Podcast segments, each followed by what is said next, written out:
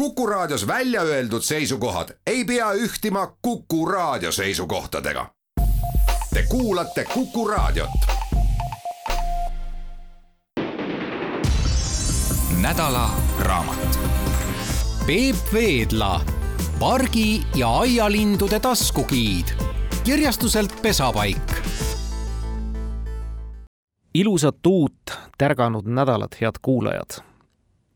tänavune maikuu ja kevad tervikuna on sattunud ilma poolest olema, tuleb tunnistada, ikka väga heitlikud.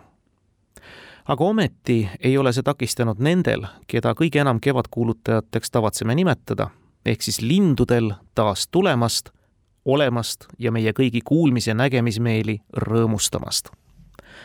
enamasti rõõmustamast, sest varahommikuti, eriti neil päevil, kui päike kaugelt enne kella viit tõuseb, võib linnulaulu suhtes esineda ka vahel vastupidiseid tundeid. aga nagu igal kevadel, on kaugemalt tulijad taas kohal. ja siinmail aastaringselt elavad sulelised ka nähtavamad ning kuuldavamad. seega pole pastlikumat aega, kui taaskord rõõmustada ühe lindudest kõneleva trükivärske raamatu üle ja tegelikult on neid tänavu kevadel sattunud müügilettidele rohkemgi. aga meie kõneleme sel nädalal ühest tänaseks juba üsna haruldaseks muutunud formaadiga raamatust. see on pargi- ja aialindude taskugiid. tõesti, tänaseks haruldaseks muutunud formaadiga kompaktselt hoitav ja lehitsetav imearmas raamat, mille on koostanud tuntud ja tunnustatud ornitoloog, linnuõpetaja ja ka kontserdikorraldaja Peep Veedla.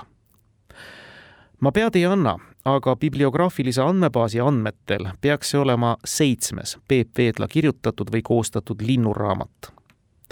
ja muidugi pole ta piirdunud linde populariseerides ainult raamatutega, vaid selle tegevuse käigus kirjutanud lugematul hulgal artikleid, koostanud muide ka lauamänge ja teinud palju muud tänuväärset muide, alles eelmisel aastal oli meil siinsamas rõõm tutvustada tema raamatut riikide rahvuslindudest nüüd siis oleme ühe taskuteatmiku või giidi võrra rikkamad. eks muidugi võib küsida ja ilmselt seda tehaksegi, kas selline paberväljaanne tänasel nutiseadmete ja rakenduste ajastul ei ole mitte juba ajast ja arust? Sest nüüdseks on nutikauplased igas telefonis ja operatsioonisüsteemis täis ka neid rakendusi, mis linnu ära tunnevad nii tehtud foto, rääkimata siis tema salvestatud laulu järgi aga küsijatele võib alati vastata, et sõltuvalt inimestest ja nende harjumustest nii ja naa. aga pigem ei. raamatud ei kao kuskile ja kindlus paberile talletatud tarkustest kulub alati ära. ega tänapäeva seenelistegi korvist leiab tihtilugu seeneraamatu tema füüsilisel kujul, mitte nutirakendusena raamat muide ei saa ka mitte kunagi tühjaks ja ei vaja ka 4G levi, kui loodusesse minnakse ja mis puutub nüüd loodusest ja konkreetselt lindudest kõnelevate raamatute populaarsusesse, siis jätkuvalt on menukite seas meie poodides ka kirjastuse tänapäev kordustrükina ilmunud linnulaul, kuhu on talletatud saja viiekümne linnuliigi lauluoskus. Peep Veedla kokku pandud ja kirjastuse Pesapaik poolt välja antud raamatust leiame seitsekümmend seitse pargi- ja aialindu ja seda üsna hoolika valiku tulemusena linnuõpetaja Veedla on linnud välja valinud oma kogemuse põhjal sellised, kelle kohtamine Eesti aedades ja parkides on kõige tõenäolisem.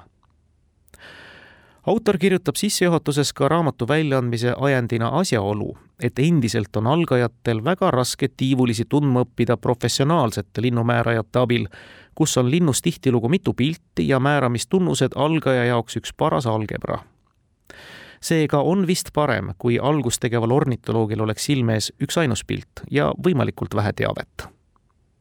ja oma tundmisretke oleks paslik alustada just nendest lindudest, keda ümbruskonnas, parkides ja aedades kohata võib. ja et seda lihtsam oleks teha, ei peaks raamat koormama käsi ja sealt ka siis tõeline taskuformaat, mis tõepoolest täiskasvanu keskmisesse püksi tagataskusse ilusti ära mahub nii väikese formaadiga linnuraamatut meil muide varem ilmunud ei olegi. ja mis nüüd puutub linnulaulu ja juurdekäivasse teabesse või nähtud fakti ülekontrollimisse, jumala pärast, ma tulen taas tagasi nende nutirakenduste juurde ja ütlen tuld, sest üks ei välista ju teist.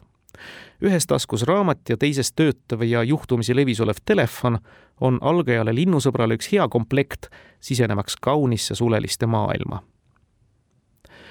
meie nädalaraamatu faktoloogia nüüd ülemäära ei nõreta ega lugejat koorma. see muide paneb tutvustaja veidi raskemasse olukorda, sest kui näiteks võtta pasknäär, siis üle minuti tema kohta ei oskagi nüüd raamatu konkreetsete andmete põhjal rääkida. olgu siis selle näite varal toodud, et ülemises reas on autor kirja pannud selle linnu pasknääri pikkuse, siruulatuse ja kaalu vastavalt siis kolmkümmend kaks kuni kolmkümmend viis sentimeetrit, viiskümmend kaks kuni viiskümmend kaheksa sentimeetrit ja sada nelikümmend kuni sada üheksakümmend grammi.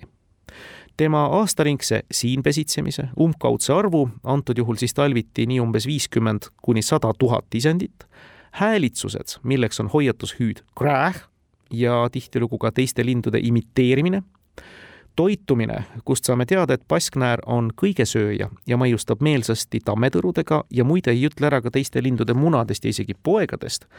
ning abiks määramisel alajaotuses saame teada, et pasknäär on hakisuurune ja pisut kõikuva ja ebakindla lennuga isend head kuulajad, sellises tempos edasi minnes saame ilmselt targinädala lõpuks kõik raamatus esinevad linnud ette loetud ja ilmselt ei oleks see rutiin ühel hetkel ka enam huvitav seepärast ma loodan, et ei pahanda, kui kehastan siinkohal ka Peep Veedla välja toodud linde tutvustades Google'iks ja laiendan pisut tutvustatavate lindude kohta käivat teavet ja loomulikult, vähemasti püüan, et ei unusta seda kõike illustreerida ka asjaomase lauluga.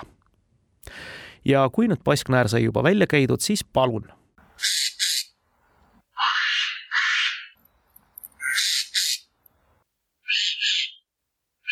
nii ta laulab ehkki paljud meist ei pruugi nüüd äsja kuuldut linnulauluks kvalifitseerida. aga ka vares on laululind, nagu ütlevad asjatundjad, ja pasknäär muide vareslaste sugukonda ka kuulub. ta küll on sootuks teist värvi, aga välimuselt varesele sarnane. värvus on tal tegelikult kirju.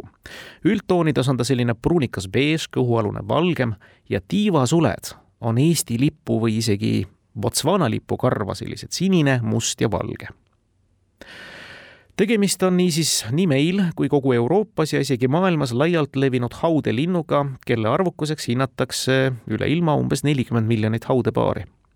see arvukus on küll aegade lõikes väga palju kõikunud ja näiteks veel tuhande üheksasaja kaheksakümnendatel aastatel kütiti teda Saksamaal raha pärast üsna ogaralt, et ta seal peaaegu et välja suri muidu on ju kena lind, pasknäär, aga vaat tema eestikeelne nimetus ei ole vast ilusale linnule kohane ja see nimetus on tõepoolest tulnud sealt, kuhu te ilmselt arvate mõtte minevat.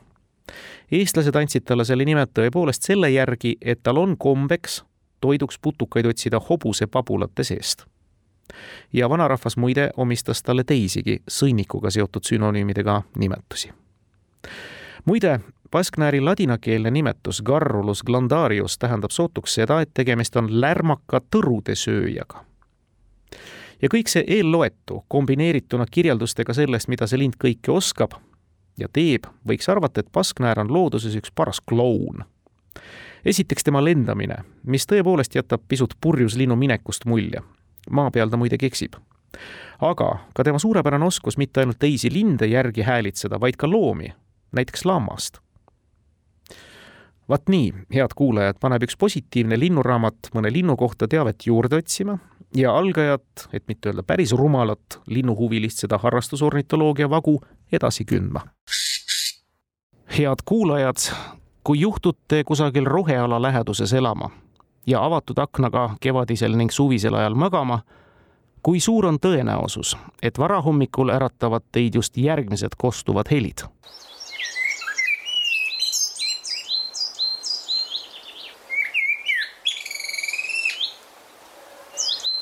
Eeldan, et üsna paljud vastavad teist. Üsna suur. Ja üsna paljud headest kuulajatest ilmselt ka teavad, et seda lõõrilist meeldivat lärmi teevad musträstad. meie nädalaraamatus Peep Veedla koostatud aia- ja pargilindude taskugiidis esineb musträstas leheküljel sada kaksteist. Ja raamatust väljaspool esineb ta praktiliselt kõikjal meie metsades, parkides ja aedades kuldnokast pisut suurem lind tuleb teile kindlasti ka oma süsimusta sulestiku ja kollase nokaga ja üsna uudishimuliku olendina tuttav ette. tõsi, süsimustad on isaslinnud. emaslinnud on tumepruunid ja ka tumedama nokavärviga kui isased. musträsta arvukuseks hinnatakse meie mail suisa kolmsada tuhat kuni nelisada tuhat paari aastas ja seda küll peamiselt kevad-suvisel perioodil. Talviseks ajaks rändab suurem osa musträstaid siiski lõunasse ja siia jääb neid talvituma nii umbes kümme tuhat tisendit ja enamuses teevad nad seda linnalistes asulates. ja need, kes lendavad, seda ülemäära kaugele ka ei tee, vaid jäävad peatuma kusagile Lääne- või Lõuna-Euroopasse ja nüüd, mis teda siis muidu tavalisena kõigist teistest ja kohe silmnähtavalt ja kõrvukuuldavalt eristab, ongi see, et ta on hommikuti üks varasemaid lauljaid.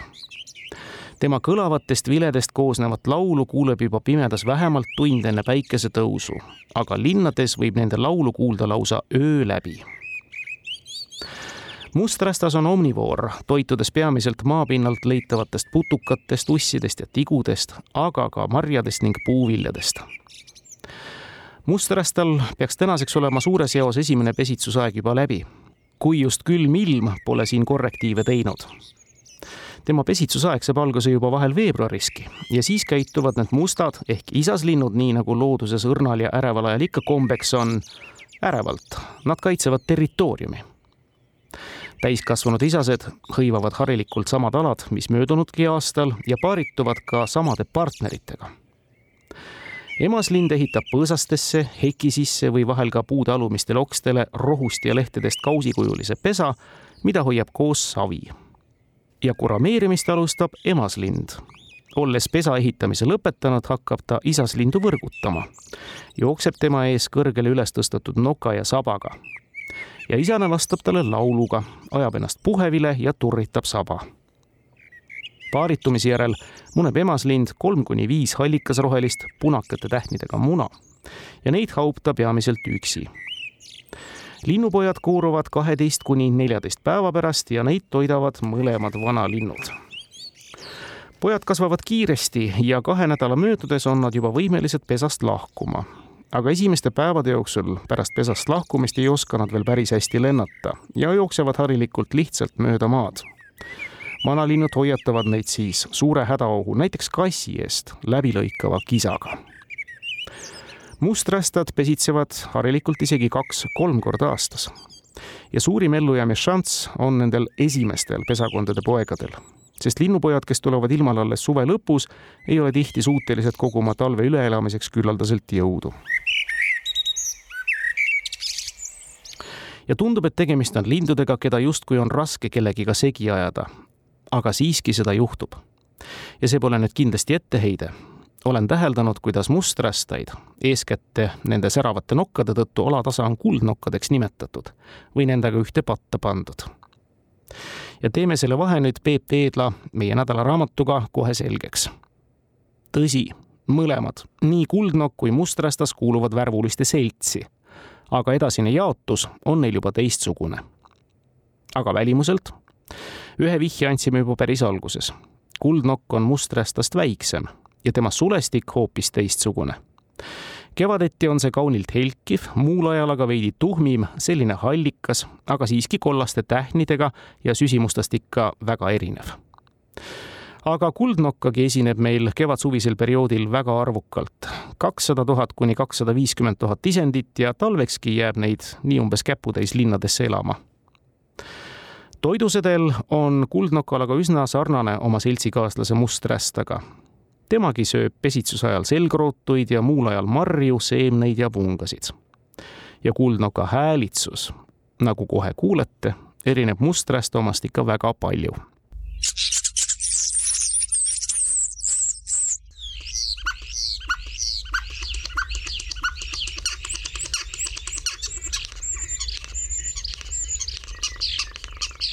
eks ole, vaheldusrikas.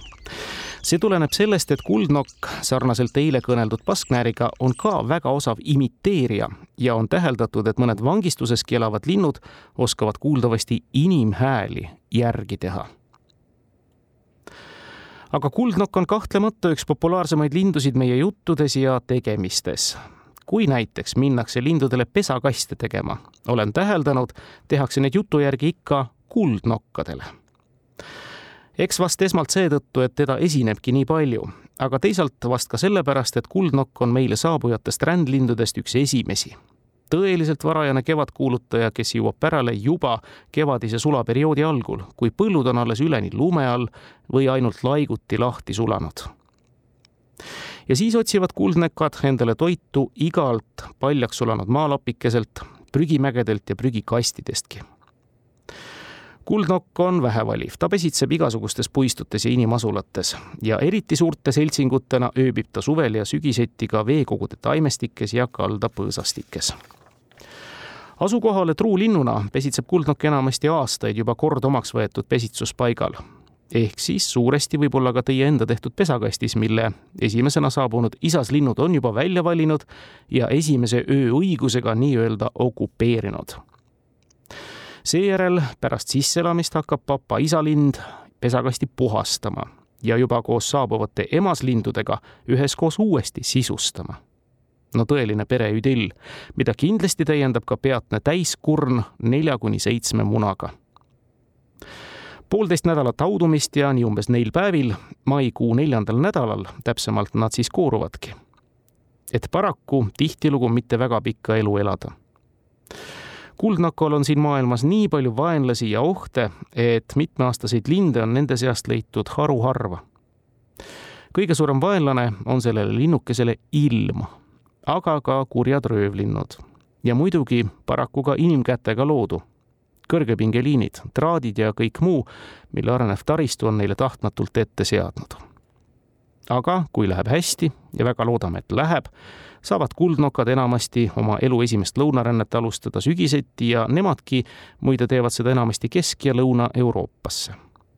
vaat selline on see lugu meile siis väga hästi tuntud ja tunnustatud liikide kevadkuulutajatega, keda on palju, keda on kuulda ja keda vahel teineteisega segi aetakse.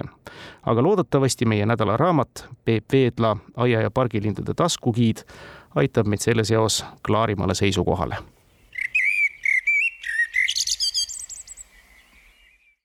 head kuulajad, täna tahaks meie nädalaraamatu abiga tutvuda nende aia- ja pargilindudega, kelle nime võtame ilmselt tihemini nimetada, kui lindu ennast näinud oleme. kui üldse oleme või teame teda nimetuse järgi identifitseerida.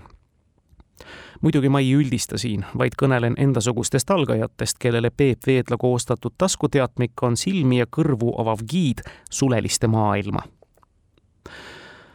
üks sellistest lindudest, kelle nime võtad tõepoolest hoopis teises kontekstis ja hoopis teiste elusolendite kohta epiteedina kasutada, on väänkael. saame tuttavaks. meie nädalaraamatu leheküljel kolmkümmend üks vaatab vastu üks beežikas karvakera, üsna ülbe näo ja üles tõstetud nokaga kui väänkaela guugeldada või tema pilte mujalt otsida, leiab lihtsasti ka põhjuse, mille järgi on ta oma nime ära teeninud tõesti, selle füüsilise omaduse tõttu oma pead keerata ilmvõimatuna tunduvates suundades, pöörates ja käänates, nagu mõni kakuline, kellel küll nähtavat kaela ei ole. aga väänkaelal on ja ta on üsna väänlev. ja muide tundub ka, et iseloomu tõttu on ta oma nime väärt. see varblasest õige pisut suurem lind on üsna võimukas tegelane hea meelega võtab ta pesitseda pesakastides ja ta võib selle protsessi käigus pesakasti senised asukad, enamasti on need tihased, lihtsalt välja tõrjuda. toiduks tarvitab väänkael sipelgaid nende erinevates moonde etappides ja meie mail võib teda kohata aprillist kuni augustini. ja kuna ta on loodusega välimuselt üsna ühte sulanduv tegija, siis tasub proovida, kas teda hääle järgi võib kusagil kohata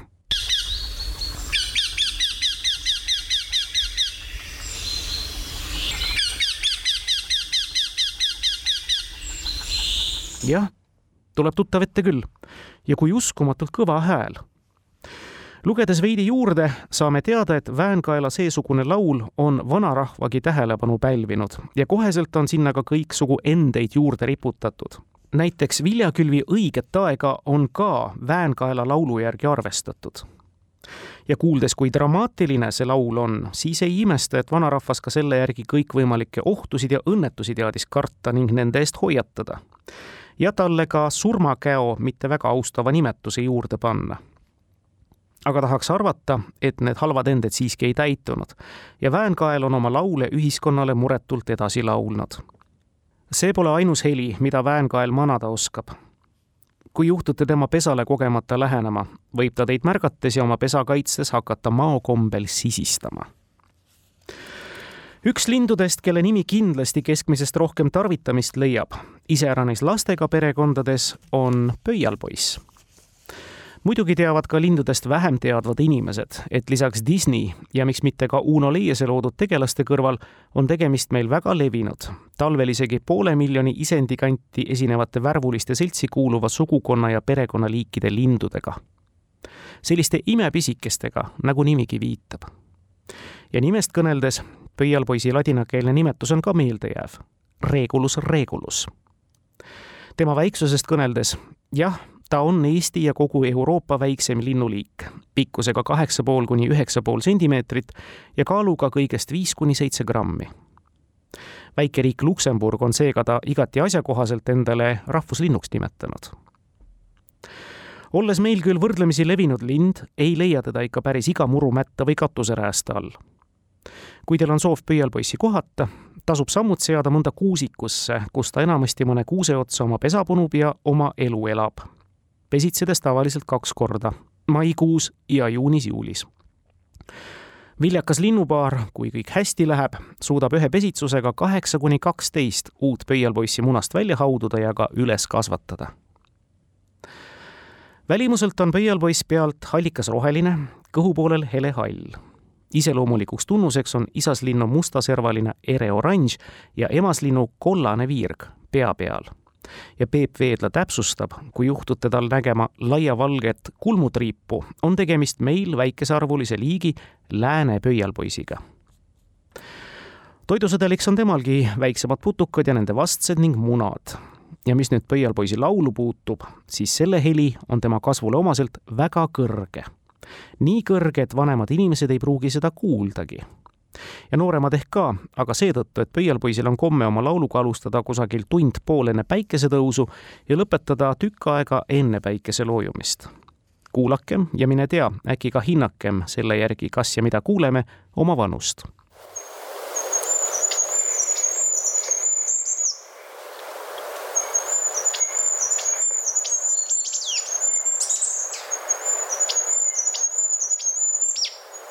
pead nüüd ei anna, et kõik kuuldavad helid sellelt vahvalt linnult kätte saime.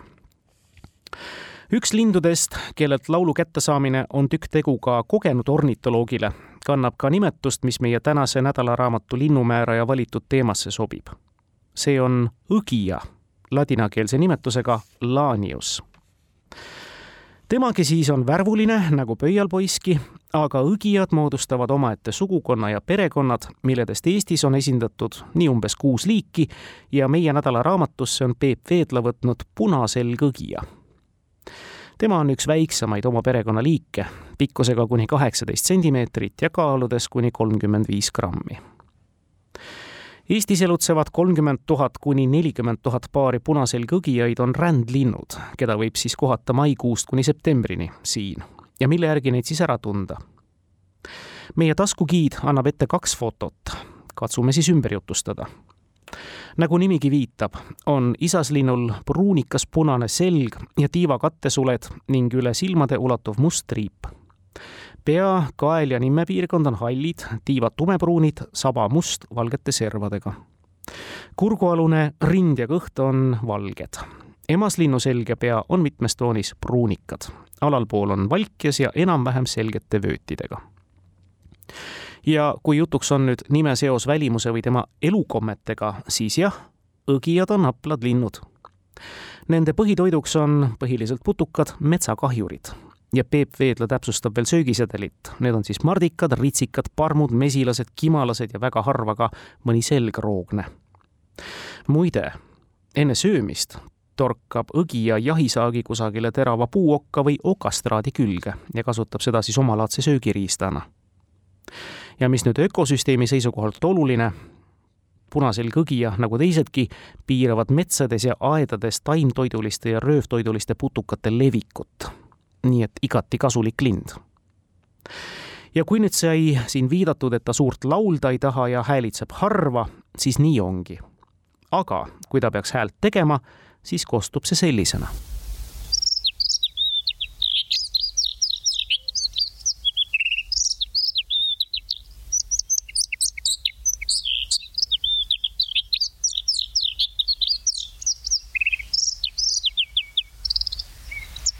eks ole kaunis ja mitmekesine. ka punaselgõgija on üks neid linde, kes oskab teisi imiteerida. ja talviti teeb ta seda muide üsna kaugel, rännates suisa Aafrika lõunaossa välja punaselgõgija on ühes teiste õgijatega kandnud kahe tuhande kümnendal aastal ka Eesti aastalinnu austavat tiitlit homme, head kuulajad, võtamegi ette selle olulise tiitli, õigemini võtame ta aluseks, sirvimaks edasi Peep Veedla kokku pandud pargi ja aialindude taskugiidi. head kuulajad, jätkame oma linnurännakuid Peep Veedla taskugiidi abiga mööda Eesti aastalinnuks nimetatud sulelisi. Eesti Ornitoloogiaühing on aasta lindu valinud ja seda tänuväärset traditsiooni hoidnud üleval aastast tuhat üheksasada üheksakümmend viis ja tänuväärselt mõistagi seetõttu, et igal aastal tõuseb vaat et igaühe teadvusesse mõni oluline suleline. on palju selliseid linde, kellede olemasolust Eestis saab ka ornitoloogiast väga kaugel olev inimene teadlikuks. ja ka selliseid, kelle olemasolust ollakse teadlikud, aga keda seeläbi õpitakse paremini tundma, et ta kannab vastavat tiitlit. ja nende viimaste hulka kuulub kahtlemata rähn ja kohe täpsustame, et rähnilised on juba iseenesest väga suur selts, kelle alla kuulub kuuskümmend seitse rähnlaste perekonda ja nende alla omakorda üle neljasaja erineva liigi rähne. ja nendest kirjurähnid olid Eesti aastalinnud aastal tuhat üheksasada üheksakümmend üheksa meie nädalaraamatusse on koondatud viie rähniliigi portreed ja nendest neli on kirjurähnid. tamme kirjurähn, väike kirjurähn, suur kirjurähn ja valgeselg kirjurähn. lisaks neile ka veel hallpearähn. muide, ka eile tutvustatud väänkael kuulub rähnlaste sugukonda. aga võttes need kirjurähnid nüüd ükshaaval ette, siis juba nimedki viitavad suuresti, mis nende liikide suurimad erinevused on. Eesti levinuim rähn on kahtlemata suur kirjurähn teda pesitseb meil nelikümmend tuhat kuni kuuskümmend tuhat paari. Ehkki nime järgi suur, ei ole ta tegelikult oma sugukonna ega ka perekonna suurim. valgeselgrähn on näiteks tast mõnevõrra kogukam. küll aga on suur kirjurähn oma seltsi tegijatest kõige kiirem toksija ja tema trummeldus on väga tihe ning kestab alla sekundi. kuulakem korra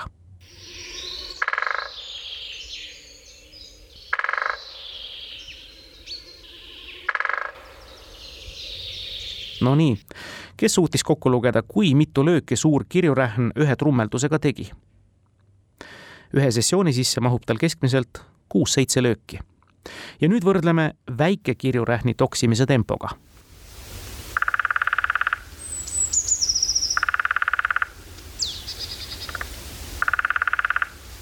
eks ole selge vahe sees. nii et juba ainuüksi kuulmise järgi peaks neil, meil levinud lindudel olema võimalus vahet teha aga kui nüüd läheb väliseks määramiseks, tasub silmas pidada, et äsja kuuldud väike kirjurähn on oma perekonna ainus, kel puudub saba all see punakas toon. teistel kirjurähnidel on ta olemas, selline tuttavlik triip, mida illustraatoridki armastavad rähnidele juurde maalida.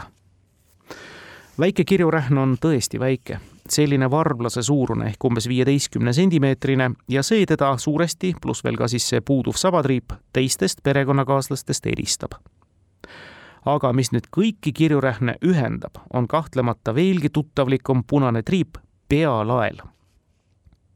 aga muus jaos, tunnistagem, on neil veidi raske vahet teha. püüame ühe loodusajakirja lastele suunatud artikli näol seda siiski teha. tsiteerin. suur kirjurähn, kelle karm hääl klapib range välimusega, suured valged õlakud mustal kuuel, kärtspunane sabaalune ja triipudeta alapool õlakuid kannab ka veidi väiksem tamme kirjurähn, temal on aga ikka triibud kõhu külgedel ning klaar musta haberipatta nägu. kui suurkirjulähnil on punapäised vaid noored juunist novembrini ja veel vanal isaslinnul leidub kuklas pisike punane salk, siis tammekirjurähnid on alati üleni punase lagi peaga. valge selgkirjurähni nägemine võib veidi vaeva nõuda suvel linnu-uurijate arvutuste kohaselt koguni kaheksa korda rohkem kui samas tegutseva musträhni puhul, kes mõnekümne meetri raadiuses jäänuna on alati leitav ja neli korda rohkem kui suurkirurähni puhul. valge on sel rähnil alaselg, kõhuküljed on selgelt triibulised, õlakud puuduvad ja sabaalune on pigem roosa kui punane. Ja nagu väike kiirurähnil ehib ka punane pealagi valgesillal vaid isas lindu no ma eeldan, et ei saanud palju selgemaks ja kirjurähnide maailma peensustesse sukeldumine võtabki vähe rohkem aega. pisut lihtsam on hallpearähniga või kuidas võtta. kirjurähnist on ta muidugi eristatav, aga segiaetav meil haruldaseks jäänud roherähniga. nimelt ka hallpea on tegelikult kandmas samblarohelist sulestikku. tema pea, kaela, rinna ja kõhusulestik on küll vesihall must silmamask ja punased silmaiirised, kitsas põskhabemetriip samuti must. noorlindude sulestik on veelgi heledamat tooni ja vaid isaslinnu laubal märkame punast laiku. ja võtame siis kuulda ka tema hallpearähni toksimistehnikat, kui juba võrdlema sai hakatud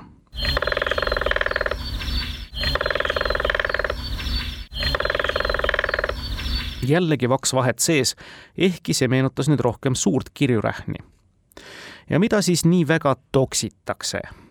seda vastust teab ilmselt iga laps.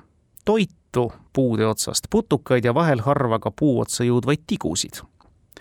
ja nüüd vastus, mida iga laps teada ei pruugi, on see, et muidugi rähninokk kulub selle intensiivse söömaaja peale, aga see kasvab tagasi. rähnide maailm on muidugi suur ja põnev ja see vajaks kohe rohkem süvenemist aga jätkame. Nüüd meil levinud ja kunagi ka aasta linnutiitlit kandnud nädalaraamatu sulelistega ja palun väga, leheküljel kuuskümmend kaheksa vaatab lugejaid küüntega peenikesest puutüvest kinni hoidev rasvatihane, ilmselt meie talvise linnuhuvi suurim subjekt. sest kellele ikka pekki või rasvapalli talviti pannakse, jutu järgi vähemalt eks ikka rasvatihastele. ja taaskord lapsepõlve meenutades, keskmisest tihemini tuuakse välja ja eristatakse ju kahte meil aastaringselt elutsevat lindu. Need on siis punase kõhuga leevike ja kollase kõhuga rasvatihane. Nad mõlemad on mõistagi meie nädalaraamatus esindatud ja parimal reljeefsemal moel. Nende viimaste rasvatihaste puhul siis on üllatavaim fakt, kui palju neid Eestis pesitseb. talvisel ajal kuni poolteist miljonit isendit ja seda on rohkem, kui meie maal on inimesi. ja rasvatihane ongi meil arvukaim talvituja ja üks põhjalikumalt uuritud linnuliike maailmas. suviti on ta siis putuktoiduline ja talvisel ajal, see lause meeldib mulle nädalaraamatus kohe väga, sööb kõike, mida pakutakse. ja laulab siis tänutäheks järgmist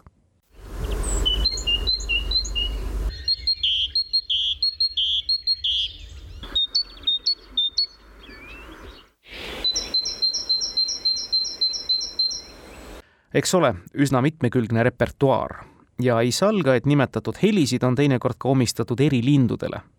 aga näed, üks rasvatihane kõik laulab need helid ära. ja muidugi, kui me nüüd räägime Eesti aastalinnust, ei saa me üle ega ümber meie rahvuslinnust, suitsupääsukesest, kes lausa kahel korral on seda tiitlit kandnud, aastatel kaks tuhat ja kaks tuhat üksteist ja suitsupääsukest vast isegi tänapäeval nii palju enam asulate parkides ja aedades ei kohtagi, kui pigem taluõuedes, kus ta meelsasti räästas endale elamise meisterdab. oma reipa kädistava lauluga on ta inimese suureks sõbraks saanud kui ka suvise päevasoja saadik, usaldatav ilmaprohvet ja talupere õnnelind. kuulame korra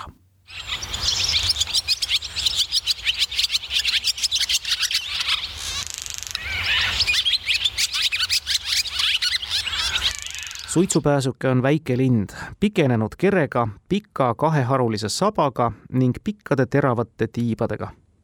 jalad on suitsupääsukesel nõrgad ja tema nimi tuleneb siis sellest, et ta tihti ka suitsusesse tuppa pesitsema kippus. ja kõikjal oldi temasse sõbralikult meelestatud ja nõnda harjuski ta inimeste juures elama, pluss veel, see andis talle kaitse röövloomade ja teiste lindude eest sageli muidugi võime suitsupääsukest näha istumas ka telefonitraatidel, katuseharjal või raagus puuokstel, aga ööbib ta muide tihtipeale hoopis veekogude ääres, roostikes. toiduks tarvitab ta väga osava ja kiire lendajana hästi lendavaid putukaid, tuues nii kasu ka kahjurite hävitajana ja oma pesa, nagu teame, ehitavad suitsupääsukesed mudast, mille seovad rohukõrte ja karvadega ja niisutavad süljega aasta jooksul võib pääsukesel olla suisa kuni kolm pesakonda ja üks haudumine võtab keskmiselt kaks nädalat, halva ilma korral kauemgi. vot selline on siis lühidalt kokkuvõetuna meie rahvuslind. aga ta muide ei ole meie nädalaraamatus ainus pääsuke. Peep Veedla on kaante vahele kutsunud ka räästapääsukese ja piirpääsukese ehk piiritaja. ja kuidas neil siis omakorda vahet teha? vaat tasub võtta raamat ja lähemalt järgi vaadata. Head kuulajad, ütlemata lapselik rõõm oli sellest, kui eelmisel nädalal õnnestus päriselt ka meie nädalaraamatu abiga üks lind väliselt ära määrata. tõsi, see sündis kombinatsioonis ühe nutirakendusega.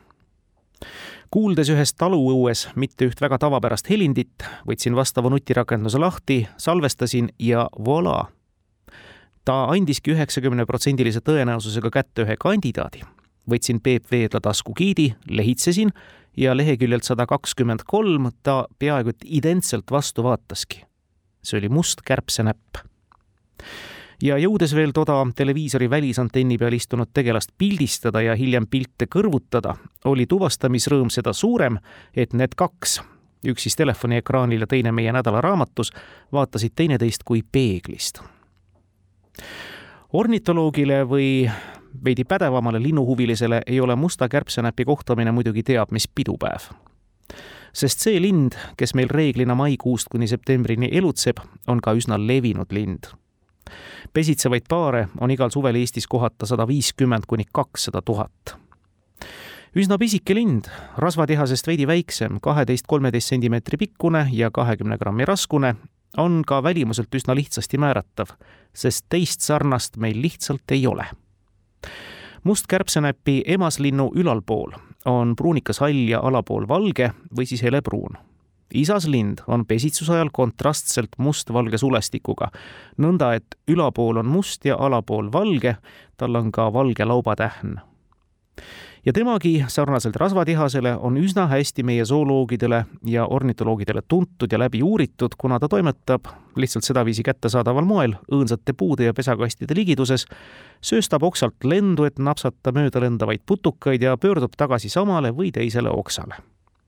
ja selle kirjeldusega on ka kõik tema toitumisharjumuste kohta öeldud ah jaa, ka tema on valmis kevadeti võitluses eluruumi pärast oma sulgi puhevili ajama ja pesakasti eest näiteks tihastega võitlema. ja olgu siis nüüd ka ära markeeritud, milline helind musta kärbsenäpi ära andis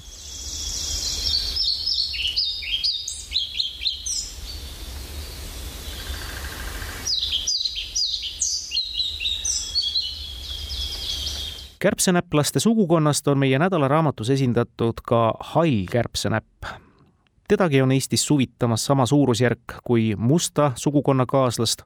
ta on küll erinevalt oma sugulasest veidi tagasihoidlikum nii välimuselt kui elulaadilt. no selline hallikam ja vähe silmatorkavam tõsi, elupaigaks sobivad hallilegi kärbsenäpile aiad ja pargid ja sinna rajatud või isetekkivad õõnsused ja nimigi siis viitab kärbsenäpplastel, et putukad, täpsemalt siis kärbsed, moodustavad neil kõige olulisema osa toidusedelist, aga muide ka mesilased ja herilased ja sääsedki aga kärbsenäpplaste eestikeelsed nimetused ei vasta kohe kaugeltki sellele, mida nad tähendavad ladina keeli.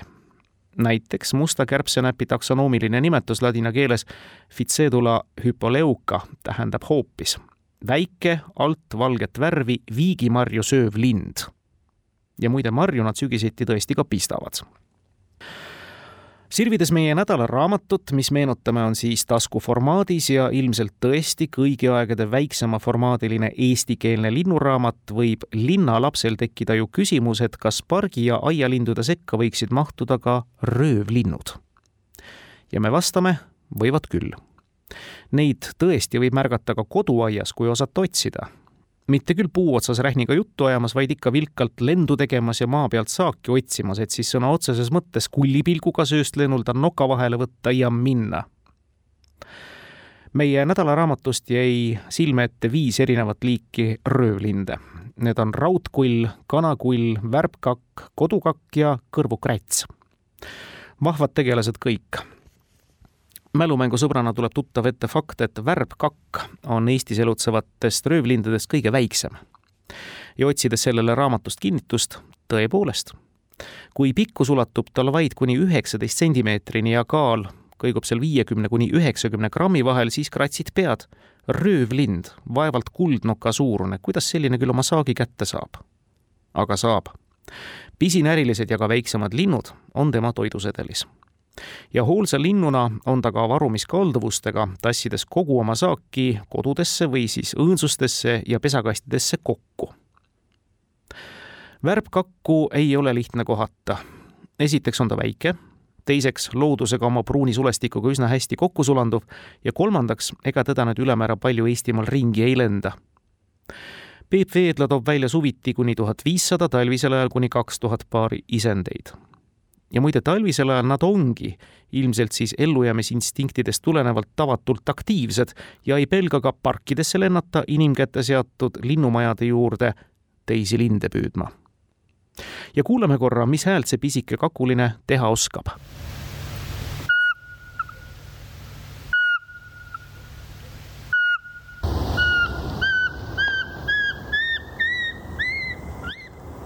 nõnda kõneles siis Eesti väikseim röövlind. esiti oma territooriumi üle valvet pidades, aga siis juba ilmselt midagi huvitavalt eemalt märgates.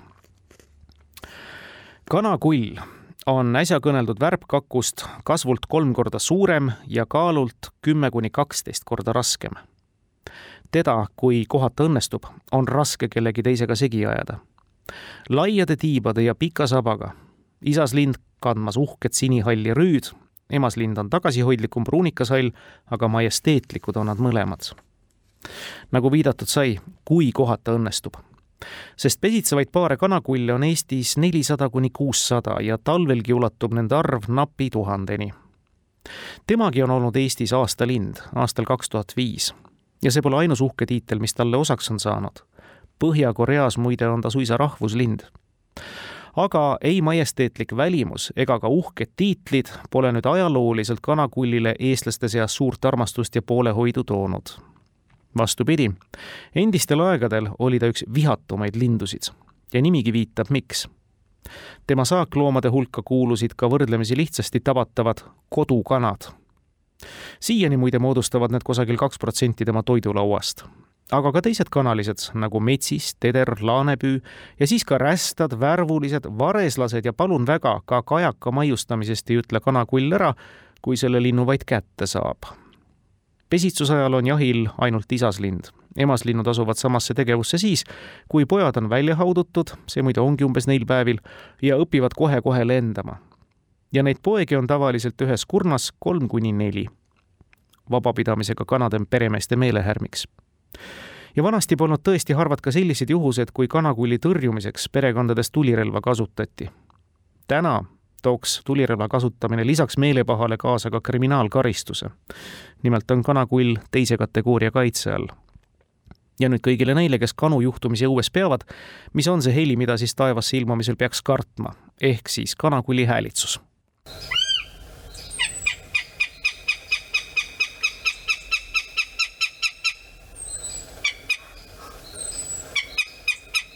loomulikult on ajad, kombed ja tegelikult ka kanakulli vähenev arvukus tema sotsiaalset staatust ja renomeed oluliselt parandanud. ega teda asjata meie looduskalendris armastata eksponeerida ja praegusel pesitsemise ajal on meil kõigil väga lihtne vaev kanakulli kaamera välja otsida, tema haudumist elavas pildis vaadata head kuulajad, ei ole ka väga suur vaev Peep Veedla aia- ja pargilindude taskugiid raamatupoodidest üles leida, hoolimata sellest, et ta on väikeseformaadiline ja selle abil tõesti põnevasse linnumaailma sukelduda. nagu mainitud sai, on autor kokku kogunud sinna seitsmekümne seitsme linnuliigi portreed selle nädala jooksul oleme me saanud tutvuda neist küll käputäiega ja ongi siis seda suurem avastamisrõõm, ja nagu tänagi sai alustatud oma kogemusega raamat pluss linnuheli rakendusvallas, siis soovitan seda kombinatsiooni ka kõikidele teistele algajatele linnuhuvilistele nii kodudes, parkides kui aedades, aga ka taluõuedes ja metsades, kus neid kõiki vast kohata võib. suve lõpuni vähemasti. nii et ilusat kohtumisi ja avastamisrõõmu.